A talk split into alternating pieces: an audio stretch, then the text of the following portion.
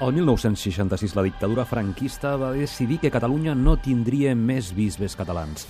Tots de fora, seleccionats i presentats al Vaticà per Franco, sense tenir en compte Catalunya i l'Església catalana. Protesta. Volem bisbes catalans. Comença així la campanya promoguda per sectors nacionalistes de l'Església catalana i per partits de la clandestinitat com Unió Democràtica de Catalunya. La censura ho intenta insonoritzar, però n'hi ha que es fan sentir.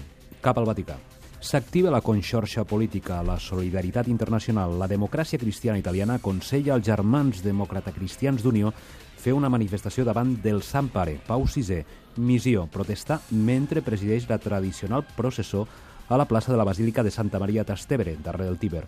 I allà estan. Passa el papa i desenes de catalans aixequen unes pancartes que diuen volem bisbes catalans. La televisió italiana filma l'escena. S'escampa l'agència nord-americana Associated Press, demana les imatges. S'escampa per tot arreu la notícia. L'acte dels catalans causa commoció. És la primera manifestació pública davant el papa.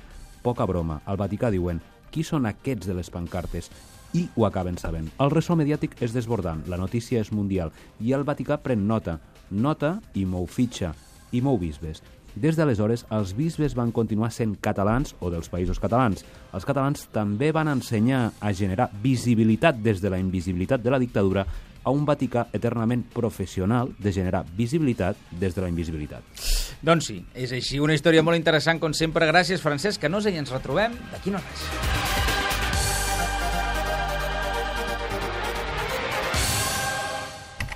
Toni Aire i els Spin Doctors a Catalunya Ràdio.